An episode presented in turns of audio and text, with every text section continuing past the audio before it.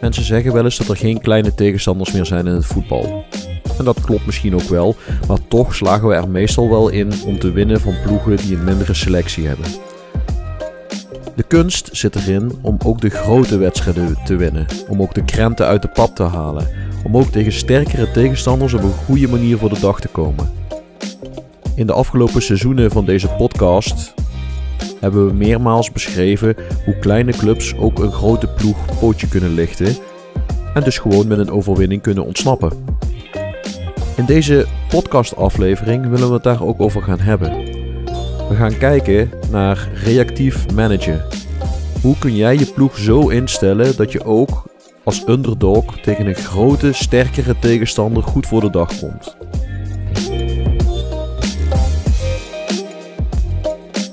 de Voetbal Managers United podcast. Hallo lieve luisteraars en welkom bij alweer een nieuwe aflevering van de Football Managers United podcast. Mijn naam is Guido en ik denk dat ik vandaag Cristiano Ronaldo ben, want ik ga het helemaal alleen doen. Nou, laat ik even voorop zeggen, eh, stellen dat dit een bewuste keuze geweest is in de zin van we moeten redelijk snel wat content genereren vanwege de aankomende vakantie van Fabian. En dat betekent dat je soms de mensen gewoon niet bij elkaar krijgt. En vandaar dat deze aflevering ietsjes korter zal zijn dan wat jullie gewend zijn. Dat we het nu gaan hebben over reactief management. Nou, reageren op een tegenstander, dat is natuurlijk helemaal niet negatief. Dat hoeft helemaal niet erg te zijn. We gaan er namelijk niet van uit dat je altijd vanuit je eigen kracht kunt spelen. En dus is het af en toe ook wel eens handig om simpelweg te kijken naar hoe je de zaak moet aanpassen. Heel botweg gezegd, sommige wedstrijden vereisen nu eenmaal meer finesse vanuit de manager. Vaak wordt gezegd dat de hand van een goede manager terug te zien is aan de manier van spelen. En dat is natuurlijk deels waar. Maar de hand van de manager is nog beter te beoordelen wanneer je het collectief als beginpunt neemt. En dan naar de rol en de groei van je spelers gaat kijken en hoe er gebruik wordt gemaakt van hun kwaliteiten. Tactiek zit voor een groot deel in de keuze voor, je, voor bepaalde spelers en de manier waarop die spelers elkaar beter maken, elkaars krachten versterken en elkaars zwakheden maskeren.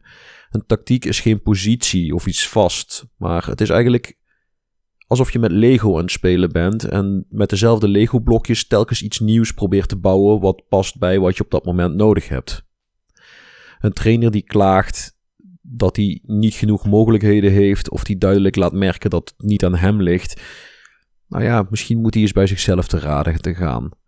Een dergelijke trainer die denkt uh, niet vanuit de voetballer, maar vanuit zichzelf. Een goede manager probeert de spelers beter te maken als collectief zijnde. Je neemt de spelers als uitgangspunt en je probeert de relatie te verstevigen door, ze in door hun rol in het collectief zo duidelijk mogelijk te maken. Je moet geen ruimte geven voor twijfel of wantrouwen. Je moet een duidelijk idee hebben. En daarna ga je kijken naar de uitwerking van, de, van dat idee. Bij een team dat goed in elkaar zit, zie je kun je op een gegeven moment bijna voorspellen welke passes er gegeven gaan worden en hoe ze zich over het veld gaan bewegen. Een van de grootste mythes in het voetbal is dat je als trainer maar zo goed bent als je materiaal. Een trainer is natuurlijk veel invloedrijker dan dat. Kijk naar Ajax, dat dit seizoen met een peperdure selectie en een vrij matige coach een verloren seizoen beleeft. Goede trainer kan ervoor zorgen dat het perspectief op een speler zodanig verandert dat niemand het gek vindt dat voorheen onbekende spelers ineens gaan uitblinken. Dat start met de duidelijkheid binnen het collectief en een trainer die denkt vanuit de kwaliteiten van zijn spelers. Elke revolutie begint natuurlijk met een goede manager. Vandaar dat je in sommige wedstrijden ook de tijd neemt voor een meer grondige analyse. Je kunt natuurlijk lekker je aanvallende spel blijven spelen in een grote wedstrijd tegen pak een beet een Real Madrid. Maar de kans dat je dan met drie of vier doelpunten verschil op je bek gaat, is natuurlijk vrij groot. Nou, wat is nu het eerste waar je naar gaat kijken op het moment dat je reactief probeert te managen? En ik pak hier even twee wedstrijden uit het recente verleden bij. En de eerste wedstrijd waar ik naar wil gaan kijken is een wedstrijd die ik met Inter Miami gespeeld heb tegen Millwall. Wat in mijn eigen save natuurlijk een van de absolute topclubs van de wereld is. En de tweede save, uh, sorry, de tweede wedstrijd uh, is afkomstig uit de estafette save die ik met Paul en met Peter, met Marcel en met Glenn speel met Sligo Rovers. Nou, de allereerste wedstrijd waar ik het over wil gaan hebben is dus de wedstrijd van Millwall tegen Inter Miami. En ik ben heel eerlijk, voor grote wedstrijden, uh, daar pak ik gewoon soms echt, echt even een kwartier, twintig minuten om me daarop voor te bereiden. Zo ook in deze wedstrijd. Om even de setting te scheppen voor jullie. Het gaat hier om een wereldbekerwedstrijd. De wereldbeker voor clubteams. Dit was de openingswedstrijd. Millwall is nog steeds een topploeg in Engeland. En Inter Miami is een ploeg uit de MLS. Geen slechte spelers, maar ja, vooral spelers die in Engeland rechte rijtje zouden spelen. Op een enkeling na. Millwall daarentegen beschikt op elke positie over topspelers. Dus op gebied van individuele kwaliteiten hebben ze absoluut het voordeel. Nou, het eerste waar je naar gaat kijken op het moment dat je reactief gaat managen is het oppositierapport dat je binnenkrijgt. Dat kun je opvragen via de Data Hub en dan klik je op Next Opponent. Nou, het eerste wat je dan te zien krijgt is de expected tactic van de tegenstander. En dat betekent hun formatie en tactische stijl die je dan waarschijnlijk te zien krijgt. Plus een aantal key findings. Nou, die key findings die vind ik wat minder spannend. Maar met name hun expected tactic en expected tactical style. Dat is waar, dat is waar je heel veel uit kunt halen.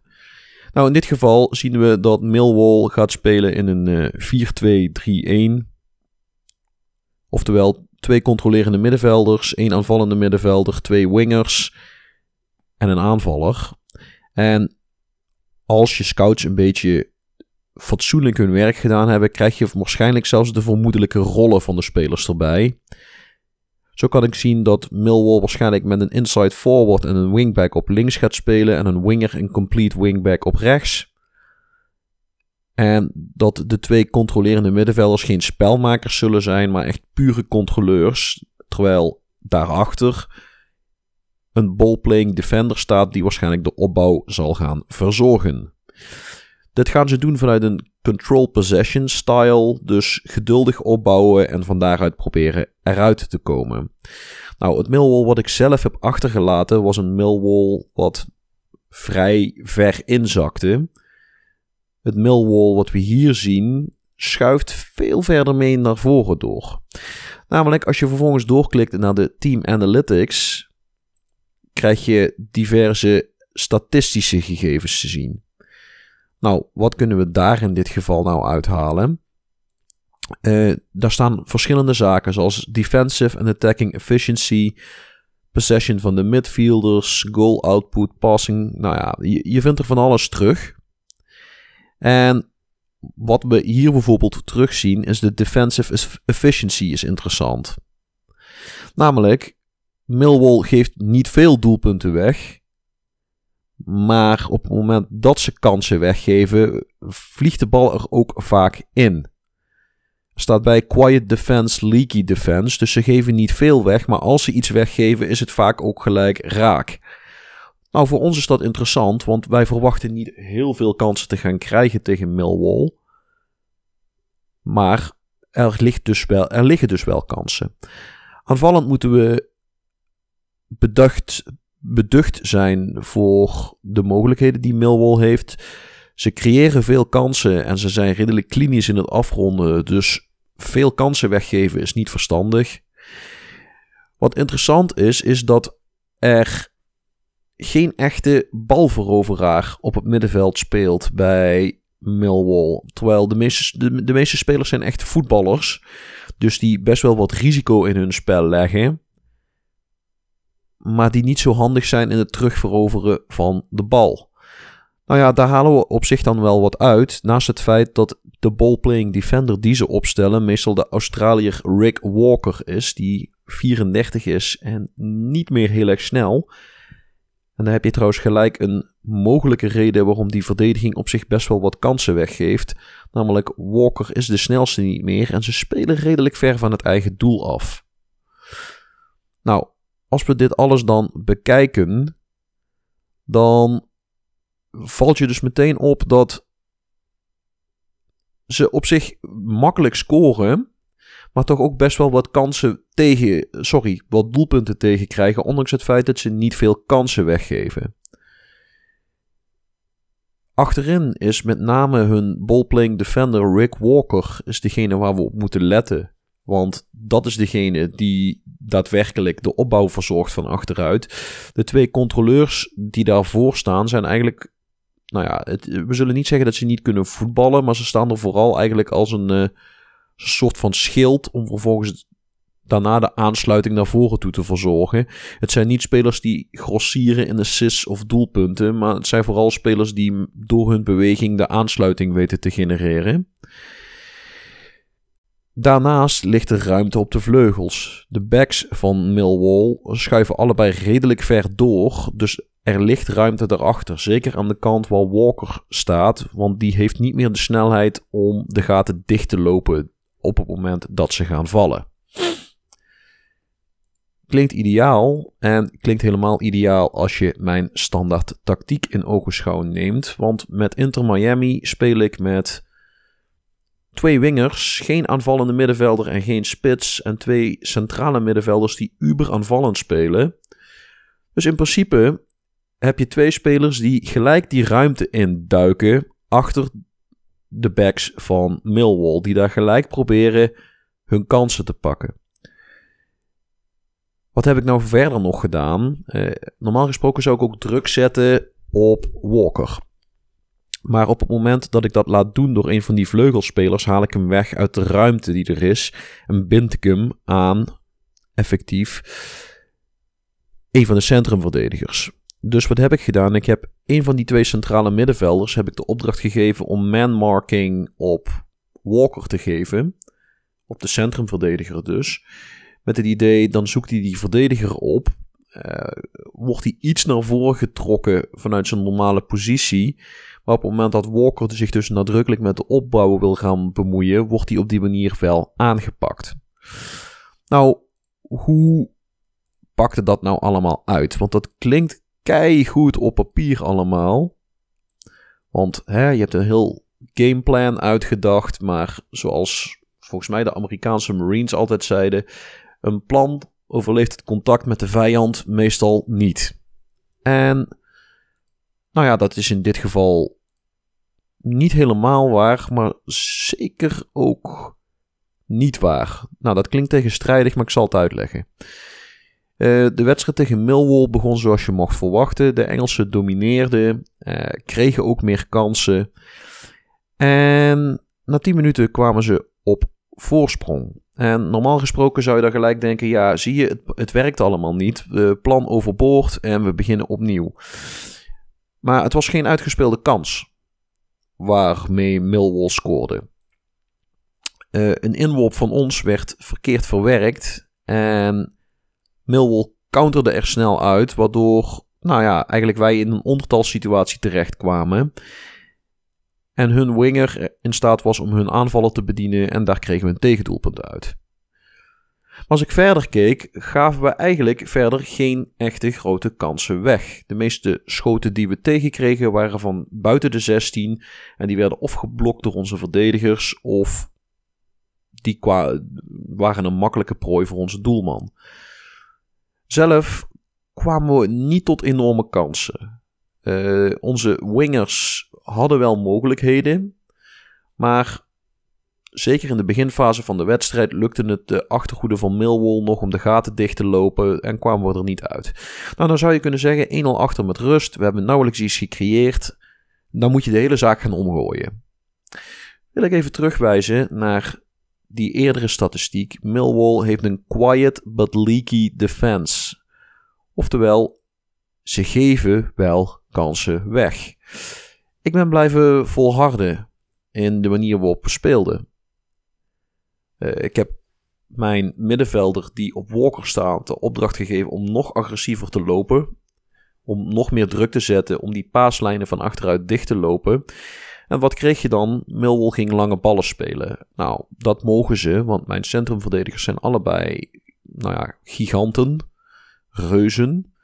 En die wonnen de meeste van die kopduels ook.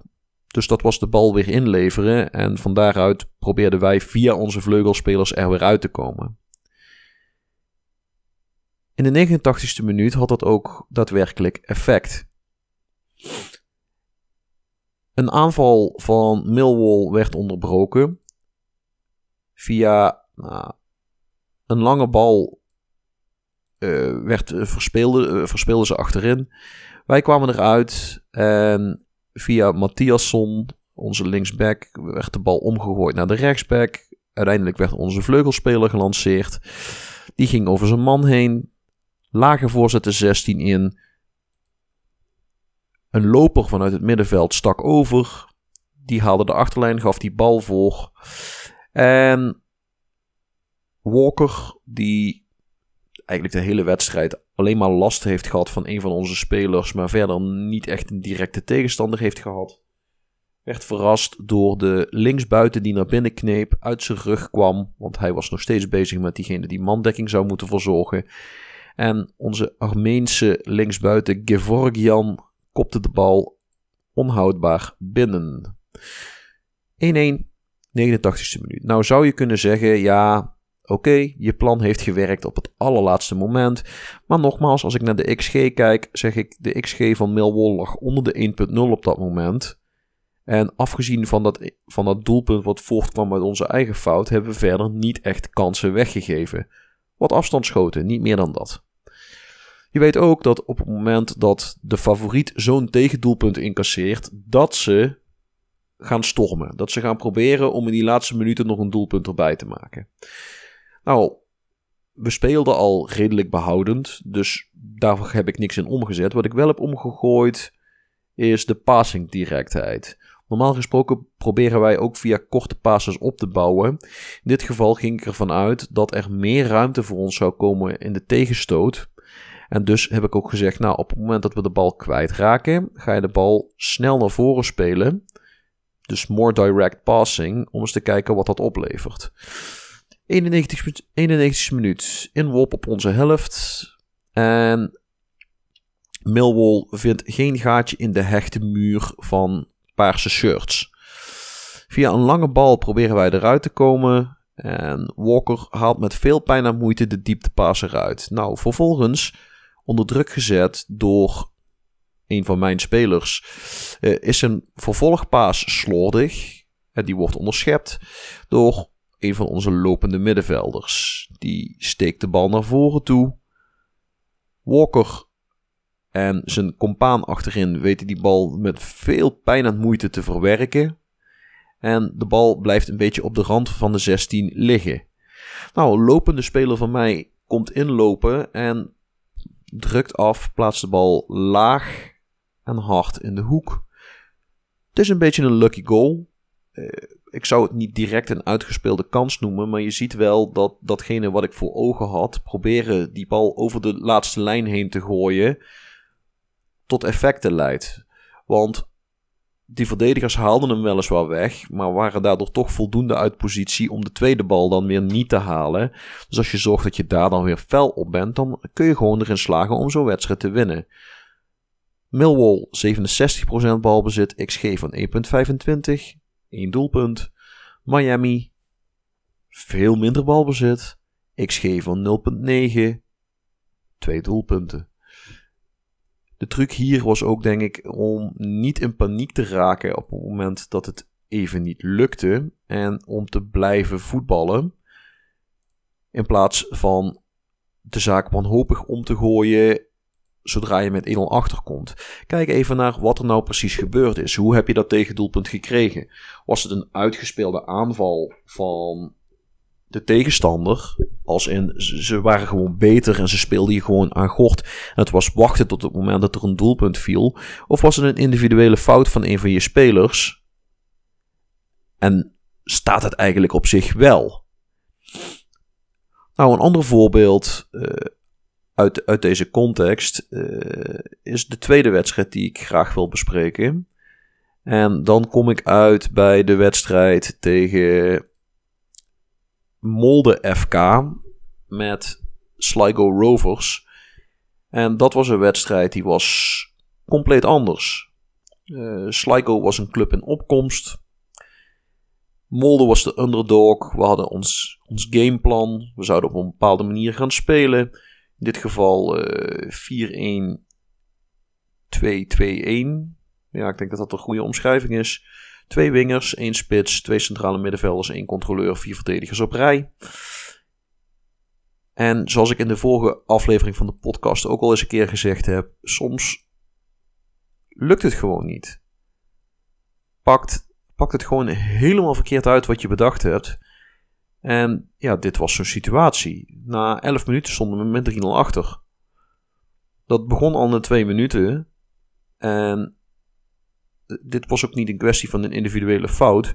Zij pompten lange ballen en ze hadden gewoon kopsterke aanvallers. Die bal bleef op de rand van de 16 liggen en een van hun spelers knalde die bal er gewoon heel goed in. Een minuut later stonden we met, met 2-0 achter toen een, lange, toen een van hun spelers het kopduel won. Een tweede speler sneller bleek te zijn dan onze verdedigers en gewoon heel makkelijk kon afronden. En na iets meer dan 10 minuten was het 3-0. Wederom, ze winnen het kopduel, komen er in de combinatie vervolgens snel uit en het is 3-0. En dan moet je wel iets. Dan moet je je gameplan gaan aanpassen. Normaal gesproken speelden we ook met Sligo redelijk controlerend. Als in, we zakten vaak ver in en gingen van daaruit, uh, vingen we de tegenstander op. Wij hadden zelf lange, sterke centrumverdedigers die pompte dan vervolgens de bal weer naar voren toe. En wij kwamen er via onze snelle jongens op de vleugels dan weer uit. Nou, dat, dat, dat werkt in die wedstrijd voor geen meter. Dat is, dat is heel makkelijk. Dus dan moet je wat anders. Wat we gedaan hebben in dat geval is dat we de verdedigende lijn verder naar voren geschoven hebben. Denk weer terug aan je Lego-blokjes. In principe zou je dus in staat moeten zijn om met de spelers die je op dat moment hebt een nieuwe puzzel in elkaar te zetten. Nou, onze centrumverdedigers zijn redelijk traag en daarmee kwetsbaar. Dus wat heb ik gedaan? Ik heb de rol van de controleur daarvoor aangepast. Normaal gesproken zou de controlerende middenvelder, zou, nou ja, in ieder geval iemand moeten zijn die ook aan voetballen toe kan komen. We hebben er nu een ball-winning midfielder van gemaakt om te voorkomen eigenlijk dat die balletjes die teruggekopt worden en van daaruit, dat er van daaruit gevoetbald wordt, dat ons dat parten gaat spelen. Ook onze centrale, een van onze centrale middenvelders heb ik ook veranderd naar een ballwinning midfielder op support. Dat ik twee spelers heb die echt redelijk agressief achter die teruggekopte ballen aangaan. Als die bal alsnog wordt doorgekopt, nou ja, we hebben de keeper een sweeperkeeper op support gemaakt. In de hoop dat hij dan maar op tijd zijn doel uit is. En we proberen van daaruit te blijven voetballen. De rest van het team is blijven staan, maar we hebben wel de verdedigende lijn aangepast. We zijn veel verder van het eigen doel af gaan spelen in de hoop om van daaruit dan toch kansen te krijgen. We blijven wel kort combinatiespel spelen, maar we willen tot meer kansen komen. Nou ja, met de rust sta je nog steeds met 3-0 achter opnieuw, dan kun je weer in paniek raken. En dan kun je zeggen: Ja, zie je, het werkt allemaal niet. En het is vreselijk wat we aan het doen zijn. Maar je gaat opnieuw, ah, ik noem het even naar de XG Match Story kijken. Je gaat kijken naar hoe dat eruit ziet. En dan zie je inderdaad met 3-0 achter dat je in de eerste 10, 15 minuten gewoon drie enorme kansen hebt weggegeven. En zelf weinig gecreëerd hebt. Wat je ook ziet is nadat, nadat wij de zaak hebben omgezet, dat de tegenpartij eigenlijk geen kansen meer gekregen heeft. Dus verdedigend gezien klopte het wat we gedaan hadden. Nou, zelf waren we tot wat afstandsschoten en een paar kopballetjes uit corners gekomen. Maar er kwamen wel kansjes. Dus dan kun je in paniek gaan raken en zeggen: ja, we moeten alles gaan veranderen. Of je zegt: we blijven gewoon voetballen zoals we het voetballen zijn. Want op zich doen we het niet slecht. 51e minuut en ons geduld wordt beloond. Kate Gordon gaat er op rechts vandoor. En Kate Gordon lepelt de bal naar voren toe. Daar staat Adam Aida. En ook die hebben we in de vorige podcast hebben we die aangehaald. Adam Aida is een kanon. Adam Aida is een tank. Adam Aida is niet alleen snel, maar ook kopsterk en redelijk doeltreffend als die voor de keeper gezet wordt. En die ontvangt de gelopte bal, neemt hem mee en knalt hem snoeihard binnen. Er is hoop. Vier minuten later wordt dat vuurtje verder aangewakkerd. We scoren namelijk de 3-2. Onze linksback Knight rukt op, gaat de combinatie aan met Aida. Aida steekt onze linksbuiten Barrington weg. Barrington legt de bal terug en onze loper vanuit het middenveld, Jeffrey Hall, komt ingelopen en ramt die bal binnen. En niet zo zuinig ook. George Hall trouwens, niet Jeffrey. Hij ramt de bal bijna door het doel heen. Nou, je ziet dat Molde zich ook begint aan te passen, verder terugplooit. Maar ja, dat maakt ons in principe niet uit. Want we spelen al ver naar voren toe, we zetten al hoog druk. Dus het maakt niet uit als ze verder inzakken. Dat betekent alleen dat wij minder beducht hoeven te zijn voor die counters. Na iets meer dan een uur spelen valt dan ook de gelijkmaker. Want we blijven volharden in ons spel. Namelijk als de XG en de statistieken en wat je ziet niet uitwijzen dat het niet werkt, waarom zou je dan de zaak omzetten? Antwoord is, dat doe je dus niet. Na ongeveer uh, een, na iets meer dan een uur spelen komen we op gelijke hoogte. Onze linksback, die niet echt een tegenstander meer heeft, kan ongehinderd opstomen op de helft van Molde, lepelt de bal over de verdediging heen. Iedereen is op Aida aan het letten en daarmee niet op George Hall. Hall rent, ontvangt de bal en schuift hem laag langs de keeper door. Dan is het gelijk. Nou, je bent teruggekomen van een 3-0 achterstand. Nou kun je, kun je zeggen we consolideren. Maar opnieuw, we kijken naar de XG. Vanaf onze omzettingen is Molde eigenlijk niet meer tot serieuze kansen gekomen. Alleen ja, afstandsschoten en een kopbal uit een corner. Dus ja, waarom zou je gaan inzakken als eigenlijk het initiatief en hè, de flow van de, van de game bij jou ligt? Daar worden we ook voor beloond in de 92e minuut. Een afgeslagen corner komt terecht bij onze rechtsback Chroma. Die speelt Hall in. En in de kluts komt de bal bij Kate Gordon terecht. Die ons daarmee op een 4-3 voorsprong zet. Nou ja, wat zijn nou de belangrijkste lessen die je uit dit soort wedstrijden haalt? Om te beginnen, je kunt niet alles gelijk goed doen. Iedereen maakt fouten en soms moet je de zaak ook omgooien. Maar reageer op wat je ziet. Hou de statistieken in de gaten. Bekijk de statistieken van tevoren om je voor te bereiden op grote wedstrijden. En als het in de wedstrijd niet loopt, kijk naar de statistieken. Uh, loopt het echt niet? Of heb je gewoon ergens een individuele fout gemaakt? Kijk, als je structureel overlopen wordt, dan heb je een ander probleem. En dan zul je moeten gaan kijken naar waar de pijn zit en hoe je dat moet gaan oplossen. Maar zelfs met 3-0 achter hoeft het niet eens een structureel probleem te zijn. Of ja, dat was in, in dit geval wel, maar we hadden ook gelijk een oplossing paraat hoe we dit weer konden repareren. Kijk naar wat er gebeurt en schakel daarop, probeer van daaruit de zaak aan te passen en probeer van daaruit er iets aan te veranderen. Daarmee ben ik aan het einde gekomen van deze redelijk korte aflevering. Dat betekent ook, ook dat we heel even kort gaan kijken naar club, speler en boek van de week. What is going on here?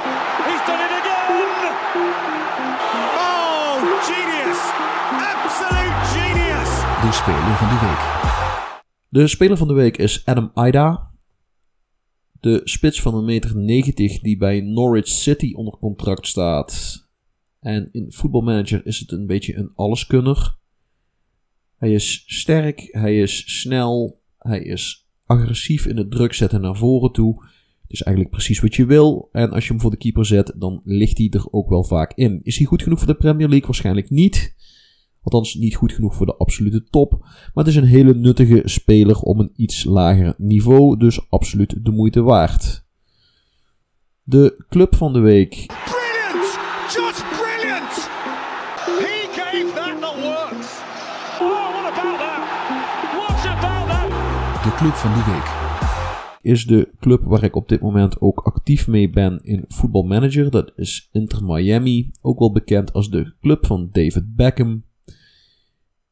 Ja, goed. Ik, ik ben normaal geen fan van dit soort plastic clubs. Maar wat op zich wel cool is, is. Ze spelen in het roze. En ik heb wel een zwak voor ploegen die in het roze spelen. Uh, Palermo, idem dus. Het is wel een, ook een club zonder echte historie, dus er valt wel absoluut iets van te maken als je een beetje doorpakt. Uh, in het eerste seizoen ja, hebben ze echt grote namen. Ja, Joseph Martinez, de Venezolaan van die eerder bij Atlanta United furoren gemaakt heeft, staat er inmiddels onder contract. En voor de rest, ja, niet echt grote namen, maar er valt wel absoluut iets van te maken.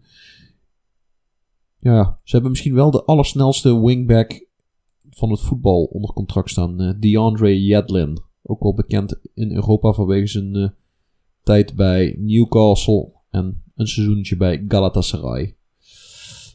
Uh, dus er valt op zich wel iets van te maken. boek van de week. It's just the most extraordinary scenario you could have dreamt of. The unthinkable unfolds before our eyes.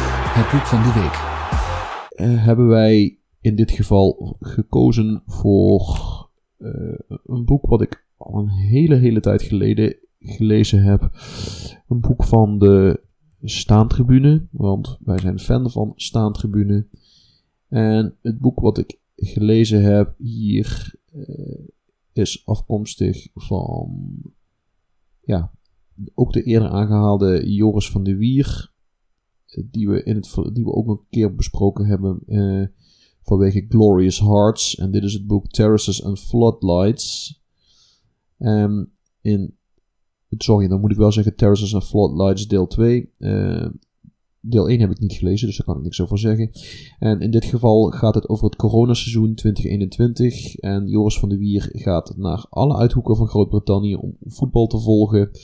En beschrijft daar de avonturen die hij meemaakt. Gewoon een ja, het, leest gewoon lekker makkelijk weg. Op, op een middagje ben je er klaar mee. Dus wij kunnen het alleen maar aanbevelen. Daarmee ben ik dan wel aan het einde gekomen van deze aflevering. Nogmaals hartelijk dank voor het luisteren.